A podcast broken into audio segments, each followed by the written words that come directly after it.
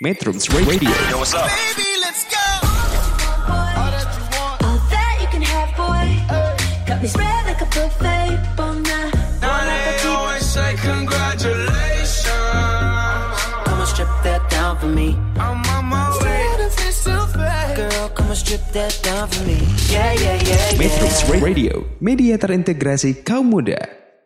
satu jam ke depan dalam program kelas komunikasi yang malam ini membahas tentang publisitas. Nah, publisitas ini adalah pertemuan yang kedua ya sebelumnya kurang lebih berapa minggu yang lalu ya, saya lupa ini. Ada eh, publisitas di mana membedakan publisitas dan iklan, membedakan kemudian ada publisitas yang tersembunyi. Nah, kita akan bicara sekarang publisitas, bagaimana berhubungan dengan media dan bagaimana berhubungan dengan jurnalis atau wartawan. Baik, untuk metronom yang ingin berinteraksi dengan saya bisa melalui WA Metrum di 0856 212 1029. Terima kasih yang sudah mendengarkan Metrum mm, lewat web di metrum.co.id. Anda juga dapat mendengarkan Metrum streaming radio melalui aplikasi Android. Bisa di-download di Google Play, di Play Store, Metrum Radio. Kemudian follow Instagram kami di @metrum.co.id, Twitter kami di @metrum.co.id, kemudian Facebook fanpage-nya di @metrum.co.id, Pinterest di @metrum.co.id, kemudian line Metrum Radio, namanya Metrum Radio digabung dengan M besar dan R besar, SoundCloud di Metrum Radio digabung semuanya huruf kecil. Baik, metronom, saya coba akan sharing tentang publisitas.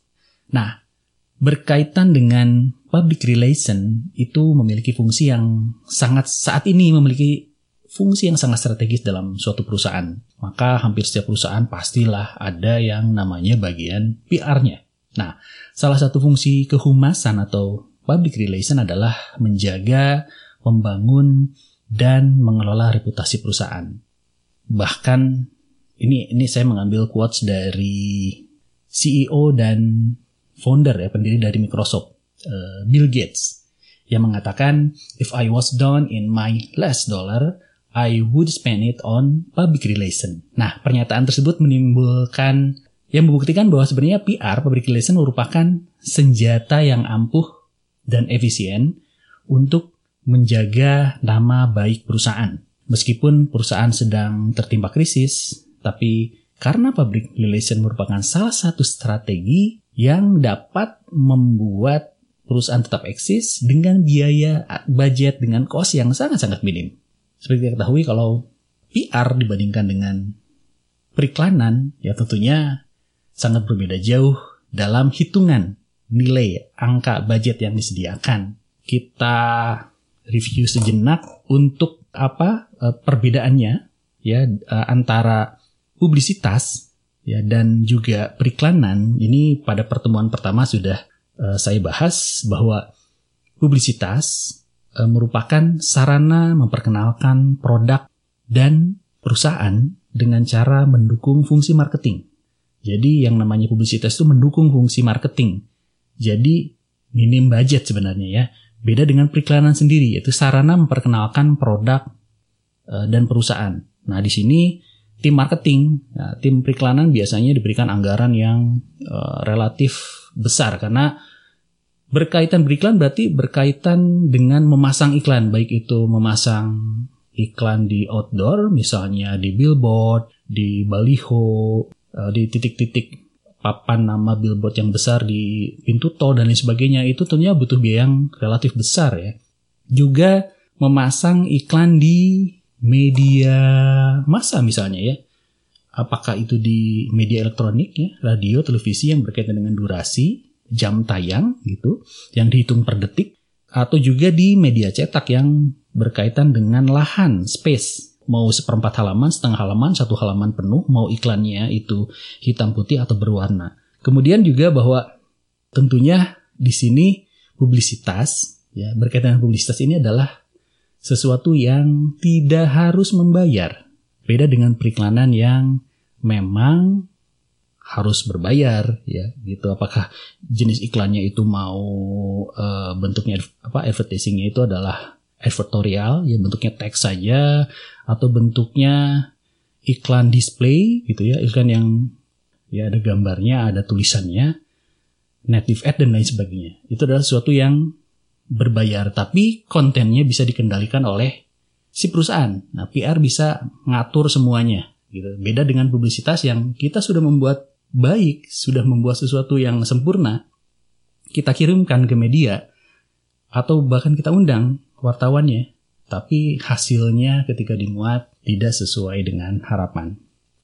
Nah, salah satu alat yang sangat akrab dalam dunia kehumasan adalah press release atau siaran pers. Bagi metronom ya atau nonoman metrum yang tertarik dengan dunia public relation, berikut ini ada beberapa tips praktis yang dapat langsung dipraktekkan oleh metronom dalam menyusun siaran pers yang efektif dan efisien. Nah, yang pertama, pilihlah judul berita yang eye catcher. Maksudnya, buatlah judul semenarik mungkin agar pembaca itu benar-benar langsung melihat ke tulisan yang ada di dikirimkan gitu ya apakah uh, via zaman sekarang sih rata-rata ngirimnya via email ya. Kalau dulu mungkin zaman apa masih fax kayak gitu ya. Uh, sekarang itu via email biasanya. Oh ini tertarik nih judulnya menarik. Jadi mau dibaca oleh si media si petugasnya itu yang oh ini menarik nih dipisahkanlah untuk setidaknya dikumpulkan untuk calon-calon berita yang akan dimuat. Kurang lebih seperti itu ya. Jadi membuat uh, menarik perhatian para jurnalis, wartawan dan membuat wartawan penasaran ya ingin mencari tahu dari berita tersebut karena udah ngasih judulnya juga yang yang eye catching tadi ya. Nah, mulailah dengan paragraf yang jelas, ringkas, padat. Karena paragraf awal sangat menentukan minat audien ya atau halayak untuk terus membaca rilis tersebut. Jadi di leading berita, nah di di rilis yang kita buat di paragraf pertama itu harus paragraf yang jelas, ringkas, dan padat. Nah, di dalamnya itu biasanya mengandung unsur 5W 1H ya dalam praktek jurnalistik itu ada what, who, nah gitu ya, why, where, when. Nah, yang terakhir ada how ya. Nah, ini adalah konsep awal paragraf itu harus mengandung 5W 1H ini. Merupakan prinsip dasar dalam jurnalistik yang juga wajib dipatuhi dalam menyusun press release yang baik dan benar. Oke. Nah, kemudian dalam press release itu juga harus ada kontak personnya. Jadi harus ada kalau dibuat ini nanti si jurnalisnya, si wartawan yang dikirim rilisnya ini ngontak siapa gitu ya, menghubungi siapa di perusahaan, di, P, di PR itu kontaknya siapa. Jadi harus dicantumkan namanya siapa, nomor HP-nya berapa gitu ya. Jadi jangan cuma dikirim oleh perusahaan A, tapi ya perusahaan A nanti yang nerima mungkin saja yang bukan yang mengirimkan rilisnya jadi nggak tahu apa-apa. Jadi harus benar-benar ada kontak person yang narhubung gitu ya. Narhubung yang dapat e, menindaklanjuti yang dapat memberikan informasi dengan benar ya ketika dihubungi oleh para wartawan. Oke jangan lupa sertakan kontak yang dapat dihubungi oleh awak media ya untuk mengkonfirmasi dan mencari tahu terkait tentang rilis yang tadi dibuat yang tadi dikirimkan.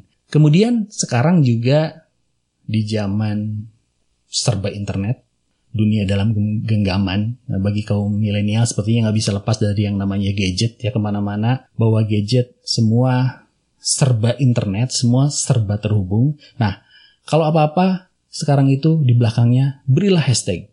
Jadi sebagai penutup, rilis yang dibuat itu dikasih hashtag-hashtag yang dapat membantu algoritma penarikan pencarian secara digital ada hashtag-hashtag itu yang nanti orang kalau misalnya tentang apa nih gitu. E, pencemaran hashtag apa?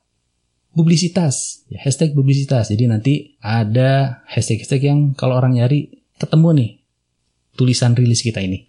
Lalu apa yang sebaiknya dihindari saat menyusun e, siaran pers? Ya yang pertama adalah jangan memblas e, apa rilis kita ini yang sama ke semua media. Jadi kalau buat rilis, setiap media itu diupayakan berbeda. Jangan sama ke ngirim ke Kompas, ngirim ke Pikiran Rakyat, ngirim ke Tribun, ngirim ke Galamedia, itu sama isinya. Cobalah dibuat berbeda. Ya, itu memang ada kerja keras di sana, tapi eh, si media-media tersebut nanti akan sangat menghargai ya ketika eh, dikirimnya berbeda dan tahu ketika dimuat yang lain juga oh iya beda ya. Ini sama-sama dikirim dari perusahaan A tapi ketika dimuat ternyata kontennya itu berbeda. Nah, tujuan rilis secara spesifik pada awak media yang akan meliput aktivitas perusahaan ini ya. Jadi misalnya ditujukan ke media, mungkin kalau ada ada biasanya ada yang dikenal di jurnalisnya siapa ditujukan langsung ke si jurnalis itu. Kemudian juga jangan pernah mengirim rilis dengan format gambar ya, JPEG atau PDF. Jadi buatlah dalam bentuk Word, content text. Karena dengan JPEG dan PDF itu akan menyulitkan tim redaksi untuk mengeditnya ya untuk masing-masing media untuk ngedit aduh ini mah ngerjain lagi jadi harus ditik ulang nah oleh karena itu kirimlah pakai word pakai tulisan teks yang bisa diedit ya format doc atau plain text txt gitu ya untuk memudahkan proses editing secara redaksional jika dalam bentuk lampiran nantinya gitu ya nah namun usahakan press release dikirim dalam bentuk body text di email agar memudahkan awak media membaca dengan cepat isi press release tersebut. Jadi jangan hanya format docnya saja, jadi file ya dikirimkan filenya tanpa ketahuan bacaannya apa. Jadi di di email itu body textnya juga dikopikan di body di emailnya ya. Jangan hanya disisipkan lampirannya saja si file docnya, tapi juga di email itu ada kelihatan langsung kebaca ya body textnya. Moga-moga ini dapat dipahami oleh Nanoman Metrum. Baik, sebelum saya lanjutkan, sekali lagi untuk yang ingin apa, berinteraksi dengan saya di acara ini dapat WA ke nomor 0856 212 1029 sekali lagi 0856 212 1029. Baik, sebelum kita lanjutkan, kita jeda dulu dengan lagu berikut ini. Metrums Radio. Yo, what's up? Baby, let's go. All that you can have, boy. Got me spread like a buffet.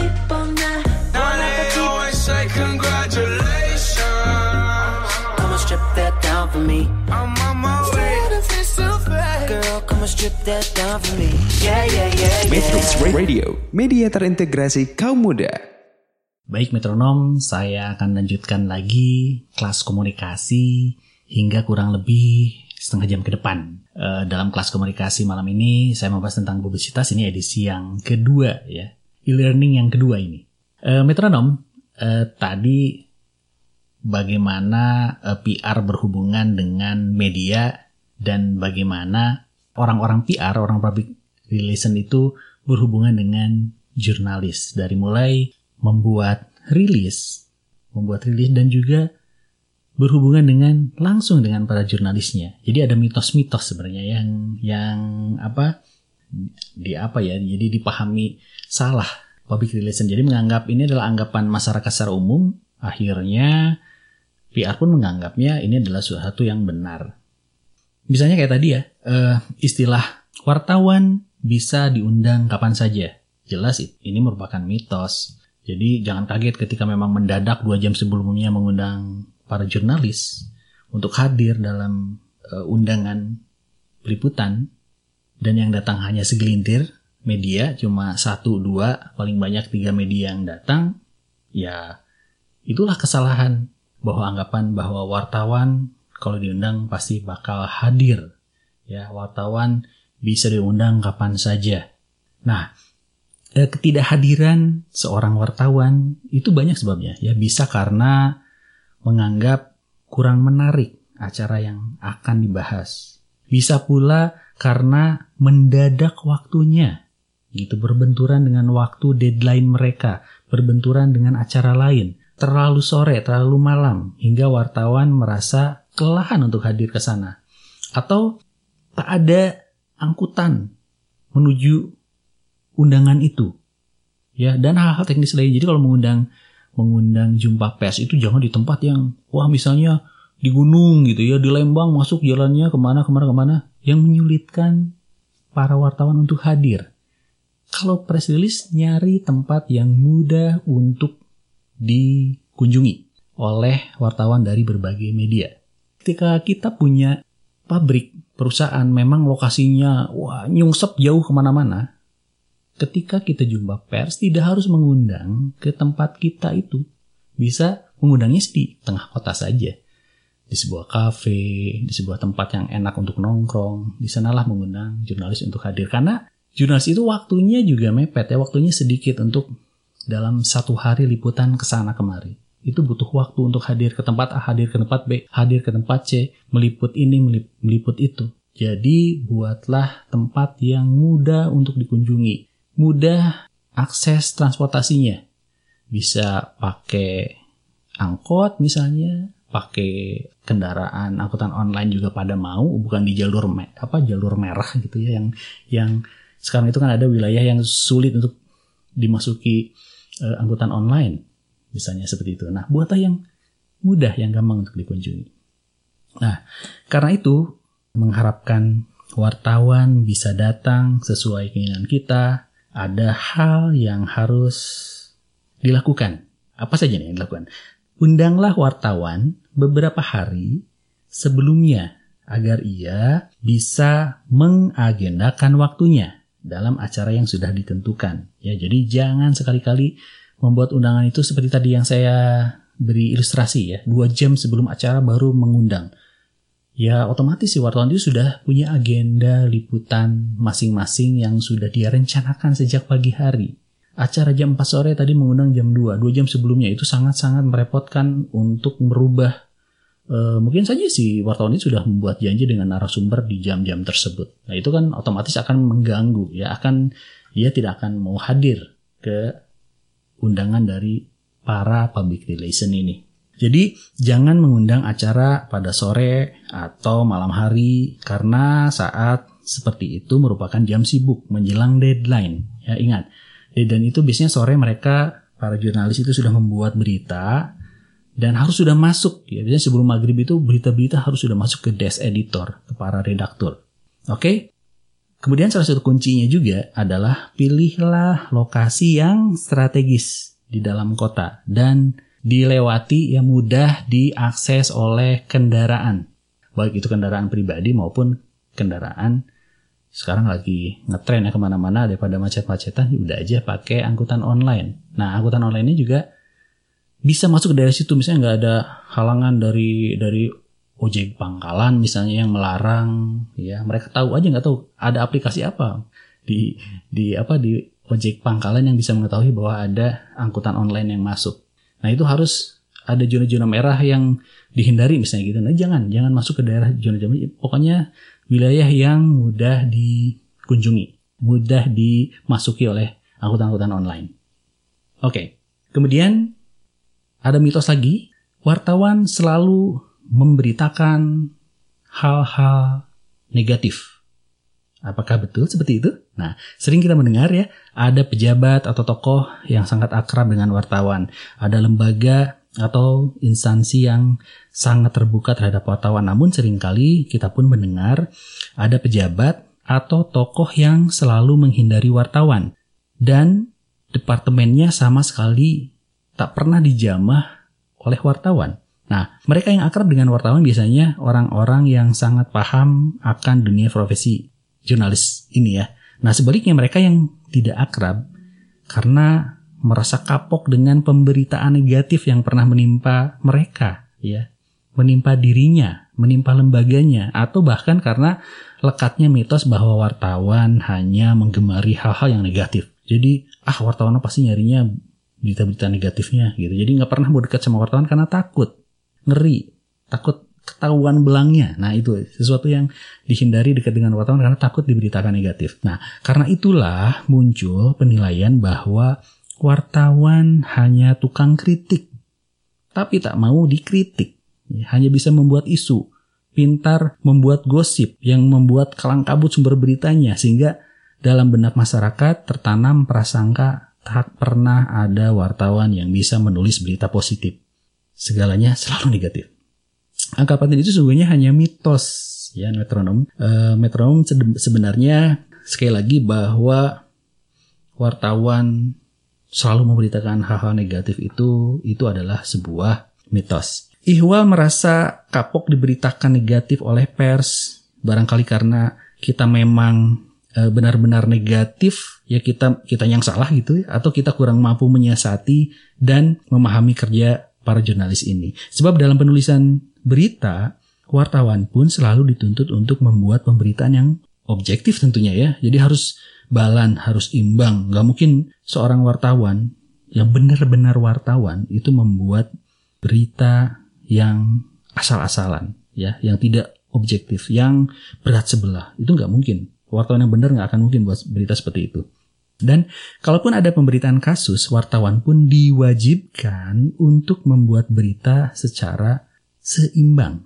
Kalau ada kasus nggak mungkin lah cuma mewawancari pihak A, yang B-nya nggak nggak diwawancara, atau sebaliknya, yang B diwawancara yang A-nya nggak. Itu harus balance, harus seimbang. Nah, wartawan tidak bisa sembarangan dalam membuat berita karena sebuah berita harus dilengkapi dengan fakta yang akurat. Selain itu, redaktur pun turut melihat patut tidaknya sebuah berita diturunkan ya. Layak tidaknya berita yang menyangkut kasus itu untuk dimuat. Dilihat dari banyak pertimbangan ya. Baik dari sisi hukum maupun sudut etikanya etika jurnalistiknya. Nah wartawan pun pasti akan memberitakan hal-hal positif sejauh itu memiliki nilai berita.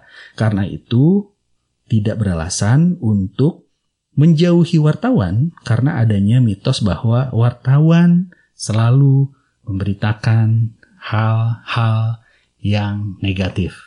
Oke ya, jadi metronom bahwa wartawan selalu memberitakan hal-hal negatif yang dipahami oleh masyarakat seperti itu jangan yang namanya public relation orang-orang yang bergerak dalam public relation juga berpikiran yang sama dekat dengan jurnalis yang mengenal wartawan dengan baik gitu ya tidak dapat tidak bisa dipungkiri juga sebenarnya memang ada wartawan yang eh, seperti itu ada. Jumlahnya mungkin sedikit tapi mempengaruhi dari jumlah yang besar gitu ya. Menggeneralisir bahwa semua wartawan itu selalu begitu. Memang ada sih. Bukan kerjaan asli wartawan karena kalau wartawan buat berita itu tadi harus objektif ya harus berimbang. Ya jadi jangan percaya bahwa wartawan selalu memberitakan hal-hal yang negatif Metrums Radio. Yo, what's up? Baby, let's go.